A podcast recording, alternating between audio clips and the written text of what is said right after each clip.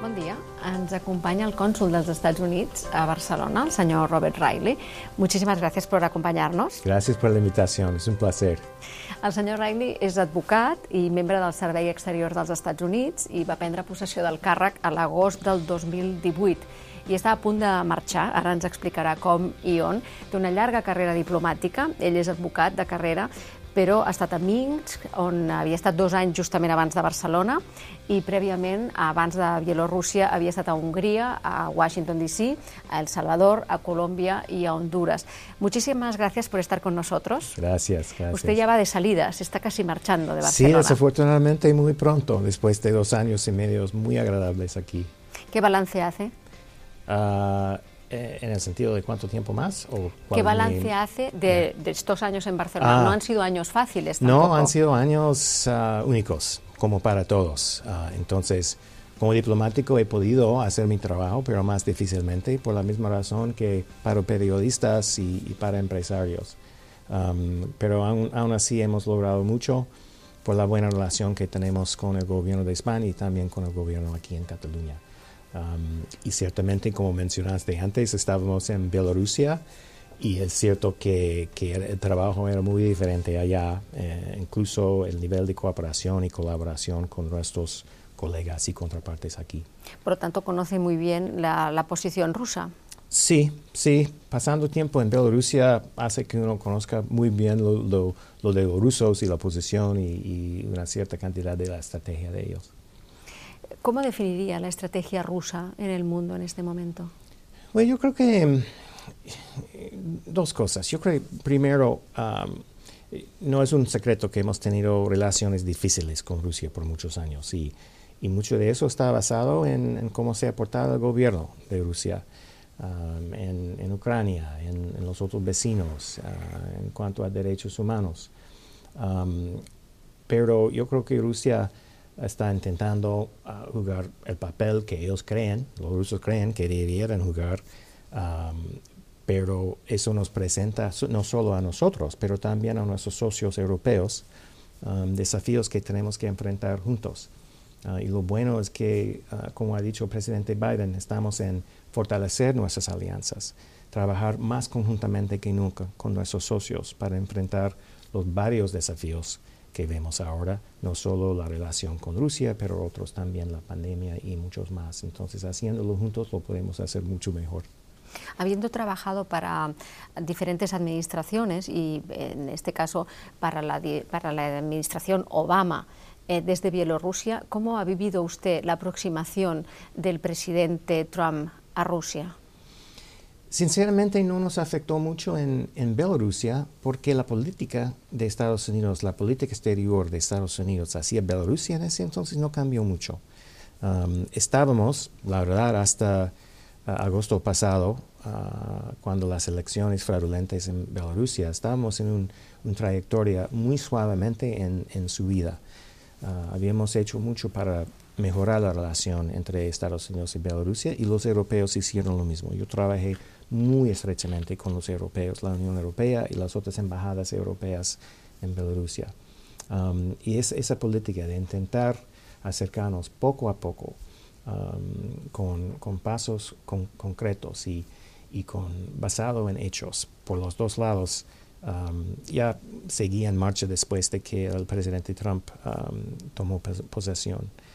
Vimos desde el lado lo que estaba pasando en Rusia ah, y yo tengo amigos que fueron expulsados en el intercambio entre Estados Unidos y Rusia, expulsando diplomáticos. Um, pero en Bielorrusia la política se quedó más o menos lo mismo. Pero le, incomoda, le incomodó en ese momento el cambio de política exterior de la presidencia de los Estados Unidos respecto a Rusia. En Bielorrusia no mucho, en Bielorrusia no mucho, porque como decía, la política se quedó lo mismo y mi, mi trabajo, mi, mi área era Bielorrusia. Entonces estamos lo suficientemente ocupados con ah, lidiar con los bielorrusos y intentar seguir trabajando para mejorar las relaciones. Entonces, para mis amigos que estaban trabajando en Moscú, sí, un poco más difícil. Usted fue agregado político-militar también en la Embajada de Madrid. ¿En qué años estuvo en Madrid? Estábamos en Madrid entre 2002 y 2005, tres años muy agradables también para nosotros. ¿Ha cambiado mucho las relaciones eh, em, estratégicas con España? Durante unos años la gran, eh, el gran tema de las relaciones bilaterales eran las bases, pero en este momento las bases, las cosas físicas son quizá menos importantes que el 5G o que algún otro tipo de, estrategia conjunta.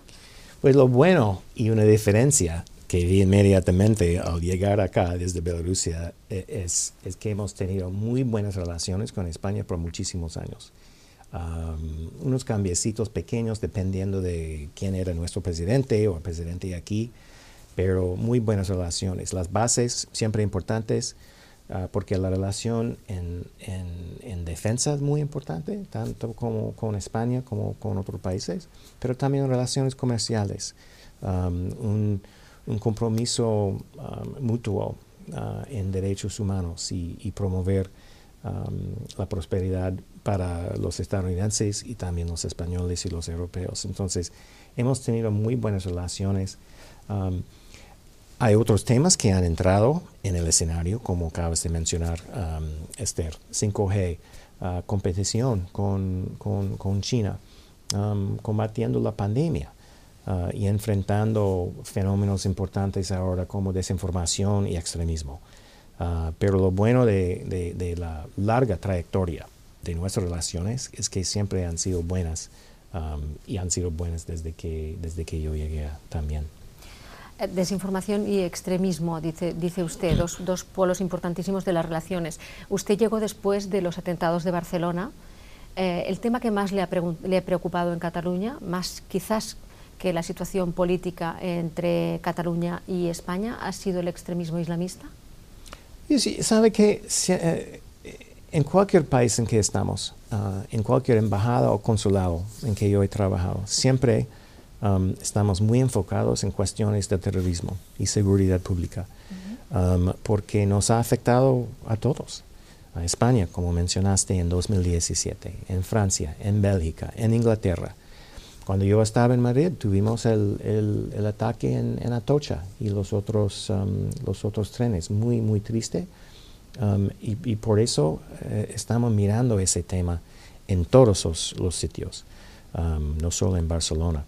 Siempre es importante para nosotros, siempre uh, nos mantenemos atentos, tenemos una muy buena relación con todos los cuerpos policiales aquí en Cataluña y, por toda España para asegurar que tengamos la información um, más actualizada.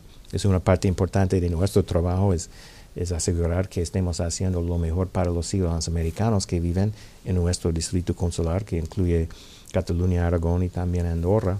Y una parte de ese trabajo es, mantenernos al tanto de la situación de seguridad, especialmente el terrorismo. ¿Y la cooperación policial y política, cómo la valoraría? Excelente, excelente.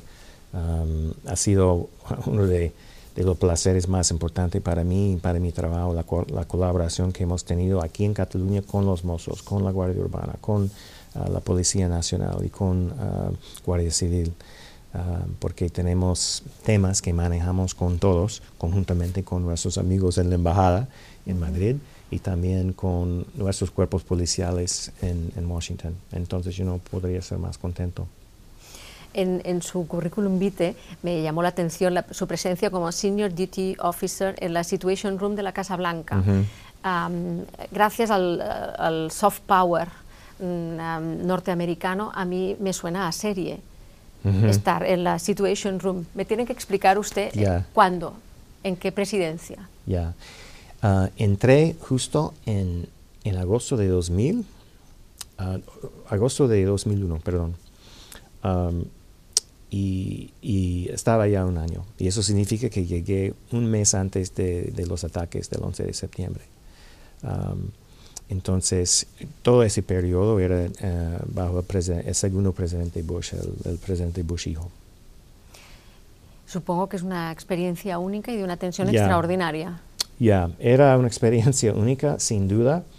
Ah, como, como les he explicado a muchos amigos míos, es como esos primeros dos meses ah, es como borroso en mi memoria porque todo pasó tan rápidamente.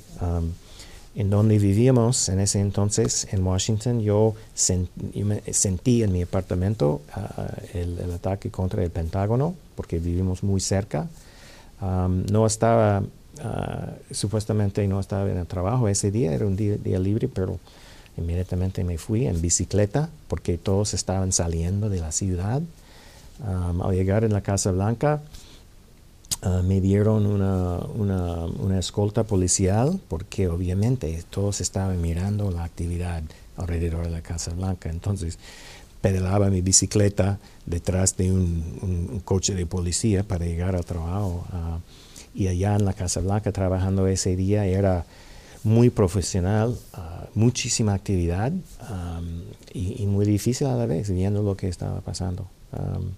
pero ah, como con otras experiencias, yo creo que salimos más fuerte más decidido ah, en cuanto al trabajo de, combatir el terrorismo en, todas partes. Entonces siempre hay que intentar mirar el lado positivo y el lado positivo de esa experiencia era que estamos más decididos y más fuertes en, en la lucha contra el terrorismo. Me, he referido al soft power, que mm. para ustedes es, una, es un instrumento de diplomático importantísimo. Mm este, este poder, llamémoslo pues suave, ¿no? o el poder no, no, no, no del ejército, no, no duro. Ah, es más, ha sido más difícil actuar con el soft power eh, en la presidencia Trump en Europa, como mínimo, que con la presidencia Obama? Mm. Pues el presidente Trump era diferente, ¿no? Único, un presidente único, en varios sentidos su, principalmente su manera de comunicarse era diferente. Um, como todos sabemos, a él le gustaba usar el, el Twitter con mucha frecuencia uh, y tenía una, un tono muy suyo. Como, como dijo el, el, ex secretario de Estado Tillerson, el presidente era su, su mejor portavoz. Entonces, poca gente quería como ampliar o explicar o um, cambiar lo que el presidente dijo yo diría que, que, tenía su propia manera. Como diplomático de carrera, mi, mi trabajo, y estoy muy comprometido con eso, es representar a, todos los presidentes, todas las administraciones. He trabajado con presidentes republicanos, demócratas, y eso es lo que hice con presidente Trump. Pero sabes qué? Eh, algo que, que siempre, y, voy, a, voy, a, estar muy, muy honesto, siempre me ha molestado cuando, cuando hablamos del estilo del presidente Trump y también del, soft power, es esa, esa frase que, que, ganó mala fama de America First. Y siempre me molestó porque, porque para mí, por 25 años, yo he estado haciendo America First y mis colegas también. Es mi trabajo. Y, y, ustedes aquí en este país debieran estar exigiendo que los diplomáticos aquí también hagan su país primero. España primero o en Francia, Francia primero. Mi trabajo no es trabajar para promover los intereses de Canadá, ni de México, ni de Alemania. Pero lo que podemos hacer para mí, en mi experiencia, es ganar mucho más juntos para que todos ganemos, colaborando más, trabajando conjuntamente más, um, hablando eh, en una manera más educada. Porque como abogado y ahora como diplomático por tantos años, si hay una cosa que he aprendido es que nunca ganamos nada por insultar a otro, por humillar a otra persona, um, por minimizar a otra persona, por dañar la dignidad de otra persona. Y de hecho, siempre, siempre estará un costo en el, largo plazo. Y yo creo que por eso en, sus primeros días el presidente Biden dijo para, para nosotros, los empleados en el gobierno, que él no va a tolerar falta de respeto y falta de respeto a la dignidad ah, entre nosotros. Y yo creo que era un muy importante declaración de, su parte. El presidente Biden es uno de los presidentes con mayor experiencia en política exterior que habrá tenido nunca Estados Unidos por sus 45 años como senador, eh, etcétera. Em, y una de sus primeras frases eh, fue América ha vuelto, la diplomacia ha vuelto, y usted justamente se va a Ginebra, a la ONU. ¿Será usted uno de los protagonistas de la nueva, de la vuelta a la multilateralidad de los Estados Unidos? Sí, sí, y, la verdad muy emocionante, ¿no? Ah, es un momento clave, un momento muy importante para fortalecer ah, las alianzas y también nuestra participación en organizaciones sumamente importantes como la Organización Mundial de la Salud, um, la Organización Mundial de, Comercio y otros. Entonces, para mí uh, será trabajo difícil, será um, requiere muchísimo compromiso, pero trabajo muy importante, porque si hay, si hay una cosa que ha enfatizado el presidente Biden, es la importancia de trabajar juntos de reforzar nuestras alianzas, de trabajar muy estrechamente con nuestros socios, porque tenemos muchos desafíos, no es un secreto, mundiales ahora, y podemos ganar mucho más trabajando, trabajando juntos, colaborando, en vez de intentar hacer cosas solos, solo para defender los intereses como, como hacemos nosotros, defender los intereses americanos. No lo podemos hacer solos. Necesitamos nuestros amigos, como aquí necesitamos nuestros amigos ah, europeos especialmente. Um, y, en Ginebra voy a estar en eso. ¿Puede confiar Europa en una política americana eh, comprometida con el cambio climático? Eso sí es claro, y no solo lo ha dicho, pero el presidente ya ha tomado pasos importantes. Uh, su primer día, él anunció que íbamos a regresar al Acuerdo de París y hace una semana oficialmente estamos otra vez uh, en el grupo. Um, y yo creo que solo por nombrar el exsecretario de Estado John Kerry es una muestra muy importante del compromiso del presidente. Um, y todos tenemos mucha, uh, muchísima tarea por delante, pero es aún otro tema en que podemos hacerlo mucho más eficaz juntos en vez de uno, cada uno por su propia cuenta. Por, por lo tanto, usted prevé una política mucho más cooperativa, pero ¿hay un punto de no retorno en la globalización? La globalización es un tema supremamente complicado y, muchos tienen sus definiciones diferentes, ¿verdad? yo creo que sí, el mundo se ha hecho mucho más pequeño. La tecnología está aquí para siempre, está aquí para mi trabajo, pero el trabajo tuyo y, muchos otros. Y la verdad es que, es que nos ha traído muchísimas oportunidades a, a muchos en países grandes y pequeños. Entonces, eso sí ah, está aquí para, siempre. El Internet, las redes sociales están aquí. pero lo que eh, Estados Unidos eh, va a hacer conjuntamente con nuestros socios es intentar promover la prosperidad para todos en ese contexto, porque la globalización ah, también tiene que ver con el movimiento de, de trabajos y quién hace cuál tipo de trabajo más, más eficaz. Ah, no lo vamos a hacer solos, vamos a hacerlo conjuntamente, como he dicho. tenemos que hacerlo con nuestros amigos europeos. Juntos componemos la tercera parte del comercio, comercio mundial. y, entonces tenemos que cooperar, tenemos que colaborar.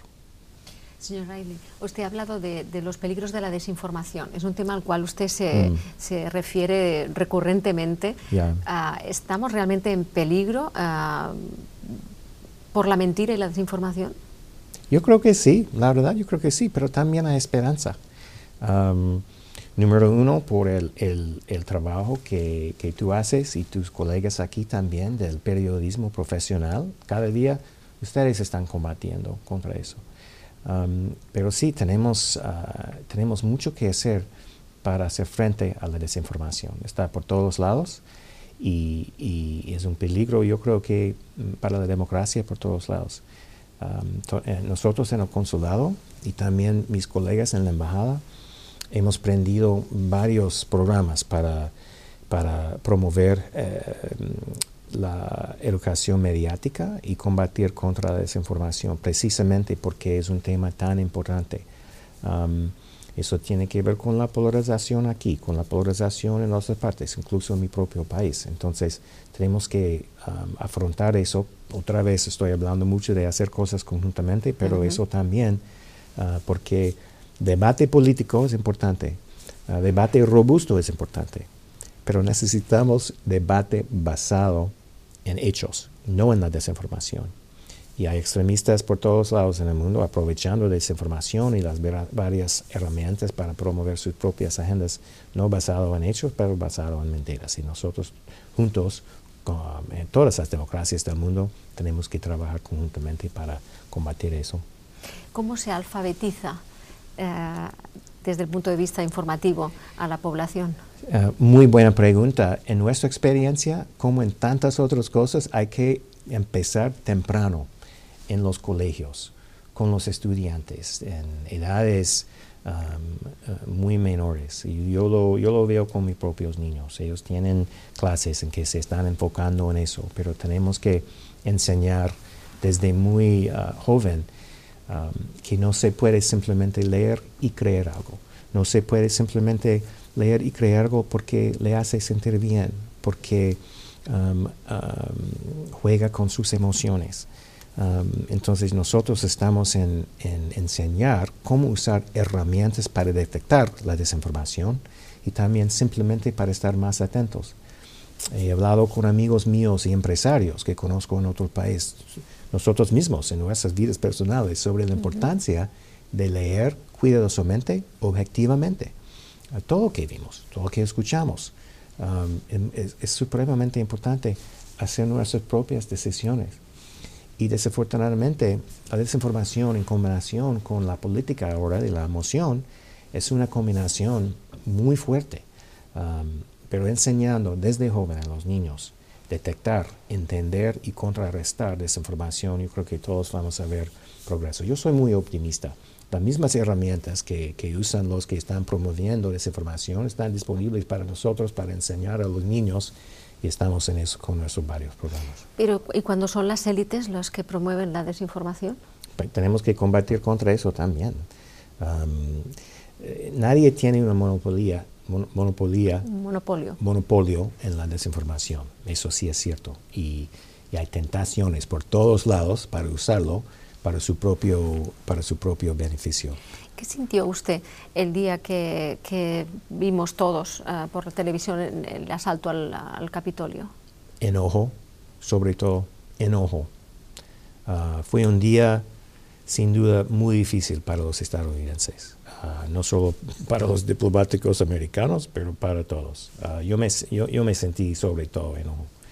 eso fue un ataque claro contra la, la democracia y contra la, democracia no solo en Estados Unidos, pero mundial, porque ese, ese edificio para nosotros y para muchos más representa la democracia. Lo bueno ah, es que los congresistas regresaron ese mismo día para terminar con su trabajo, ah, que era lo, importante. Y honestamente, ah, otra vez soy optimista. Yo creo que salimos como expliqué antes sobre lo que pasó en, en septiembre de 2001, salimos más fuertes, más decididos. Y era un, recordatorio de golpe, pero un recordatorio de que tenemos que defender la democracia por todos lados, todos los días. Todos tenemos que hacerlo. Protegerla, defenderla ah, y cultivarla. Ah, no podemos dormir y, tenemos que hacer lo necesario para seguir trabajando en Estados Unidos, aquí en Europa y por todos lados. ¿Fue el propio presidente quien instigó ese acto? Pues eso se va a encargar las, ah, el sistema jurídico. Um, y, ya vimos que fue un proceso de impeachment, que se, se encargó de hablar de eso ante los congresistas y, y vamos a ver qué pasa. Ya hay procesos um, ah, en las cortes contra algunos de los participantes, que es bien justo. Tenemos un sistema bien robusto, legal en Estados Unidos después de cuatro años de dificultades vimos que las instituciones se quedaron muy fuertes ah, y, tenían y hicieron lo, lo, que, lo que era su trabajo y lo va a hacer también en cuanto a ese tema. ¿Cree que en los próximos años habrá un descenso de la polarización en los Estados Unidos o que la polarización en los Estados Unidos tiene raíces eh, que realmente eh, son importantes en temas demográficos, políticos, de supremacismo? ¿Cree usted que la polarización va a ir a más o a menos? Las dos cosas. Las dos cosas. Como todo, siempre todo es más complejo de lo que parece, ¿no? Mira, ah, el presidente Biden, desde su posición, uh, ya aprendió programas para, para, abordar el tema de la polarización. Pero no solo puede ser él, tiene que, tiene que haber pasando, tiene, tiene que estar en todos los sitios, en todos los estados, todas las ciudades y estamos en eso. Um, ya, empecé, ya empezamos el proceso de sanar las heridas y yo ya veo poco a poco um, los resultados. Pero, como acabas de decir, eso no nació de un momento a otro, de la noche a la mañana. nació en el transcurso de muchos años. Entonces tenemos que ver y mirar no solo como las llamas, pero también lo que va debajo. Y, lo que tenemos que hacer en Estados Unidos es como en otros países. Hay, yo creo que hay mucha gente que se siente ignorada y no escuchada. Ah, siempre ha sido mi posición de que si hay un grupo de personas que se siente así, nos toca escuchar. No siempre nos toca estar de acuerdo o hacer lo que ellos quieren, pero nos toca escuchar. Y escuchar a veces uh, lo mismo en una familia, un grupo de amigos, en una, ciudad. Um, escuchar y hemos perdido, yo creo que hasta cierto punto, el, el, el talento de escuchar a veces, ¿verdad? Um, pero tenemos que escuchar y, involucrar a todos en soluciones, incluso la polarización. En la polarización, ¿la prensa americana también tuvo responsabilidad o ha tenido una responsabilidad importante? Yo creo que la prensa en Estados Unidos es como en otros países um, en, las democracias. Ellos están intentando hacer su, hacer su trabajo. Um, uh, y, yo no culpo a la prensa por hacer su, trabajo. Uh, lo que sí uh, veo es que, es que ahora hay por lo menos uno y tal vez más, más de uno proceso legal en contra de algunas fuentes, algunas, um, algunos um, sitios de web y, periodistas um, eh, que han alegado defamación. Yo no, yo no sé sí, difamación. Es defamación eh, por lo que pasó durante las elecciones en noviembre. Había mucha, muchas críticas, insultas, uh, insultos contra uh, compañías que fabrican máquinas uh, que hace el voto. Um, entonces, otra vez, tenemos un sistema legal muy fuerte, muy robusto, y eso está abordando esos temas, pero eso es como parte del, del, ambiente mediático en Estados Unidos también. Pero yo, yo tengo muchísimo uh, aprecio para los periodistas profesionales uh, y, mucha confianza en, ellos también. Son una parte clave de defender la democracia. Señor Riley, el, otro gran desafío en los Estados Unidos y en el mundo en este momento es el, el, coronavirus. Mm. Uh, ¿Cuál es la situación en Estados Unidos? ¿Cree que puede mejorar en los próximos meses? ¿Ha habido una falta de, de, de aceptación del problema, quizás? Pues ya vemos que, el problema se está mejorando mucho, los números ah, se están mejorando y yo creo que una parte de eso tiene que ver con la vacuna, como aquí ah, en España también, en Europa. Mientras más nos vacunemos, menos casos hay y gracias a Dios menos muertos hay. Eh, eh, nosotros enfrentamos en Estados Unidos los mismos desafíos que enfrentamos eh, que, enfrentaron en muchos países era muy difícil, eh, algo único, ¿verdad? Que no pasó en 100 años, algo así.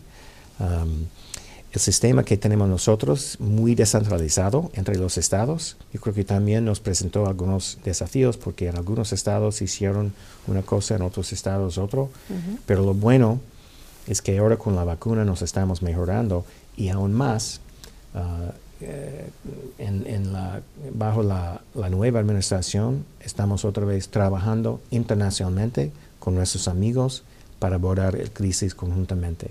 Ah, el presidente Biden anunció que está destinando 4 billones, billones de dólares para la organización del COVAX para distribuir de una manera equitativa la vacuna a los países más pobres. Ah, y, y, yo creo que lo, que lo que vamos a ver es más colaboración no solo en cuanto a la pandemia, pero en cuestiones más amplias de salud.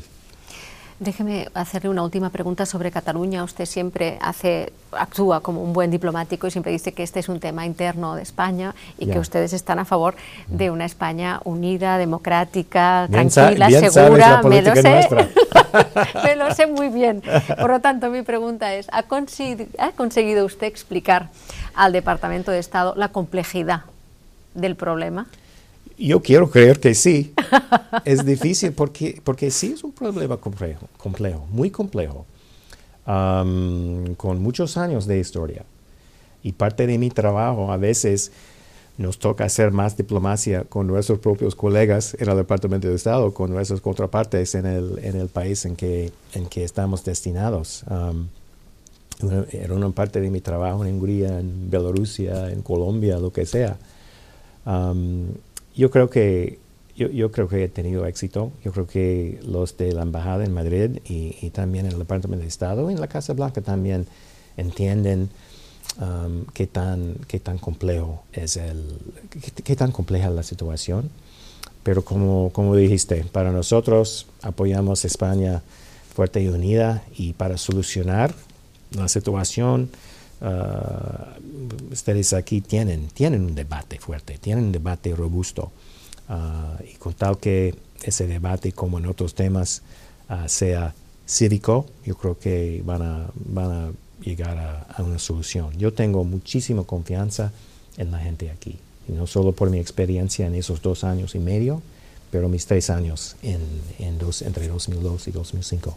Um, a veces a veces he dicho a amigos aquí que, que creo que los de afuera tienen más confianza en la capacidad de gente aquí de solucionar sus dificultades que, que, que los propios ciudadanos aquí. Y lo mismo pasa en, en, mi país. Por eso soy muy optimista uh, sobre España y sobre Cataluña. ¿Le ha sorprendido en algún momento el nivel de civismo del debate en Cataluña? La verdad no. Es que, es que el, el nivel de, de civismo es algo que estamos viendo eh, en todos lados ahora, incluso en Estados Unidos, ¿verdad? lo, lo, vemos aquí, lo vemos en Europa, es, una, es un fenómeno con que estamos lidiando. pero ya, ya te mencioné, para mí, basado en experiencia, primero como abogado, luego como diplomático, insultar nunca gana, ah, humillar nunca gana. Puede hacer a uno sentirse un poco mejor por un momento, Um, pero en el largo plazo, uh, en el largo plazo siempre hay, un coste. Y, como ciudadanos tenemos la responsabilidad de exigir un debate cívico de nuestros políticos. Nosotros estamos el, eligiendo a ellos.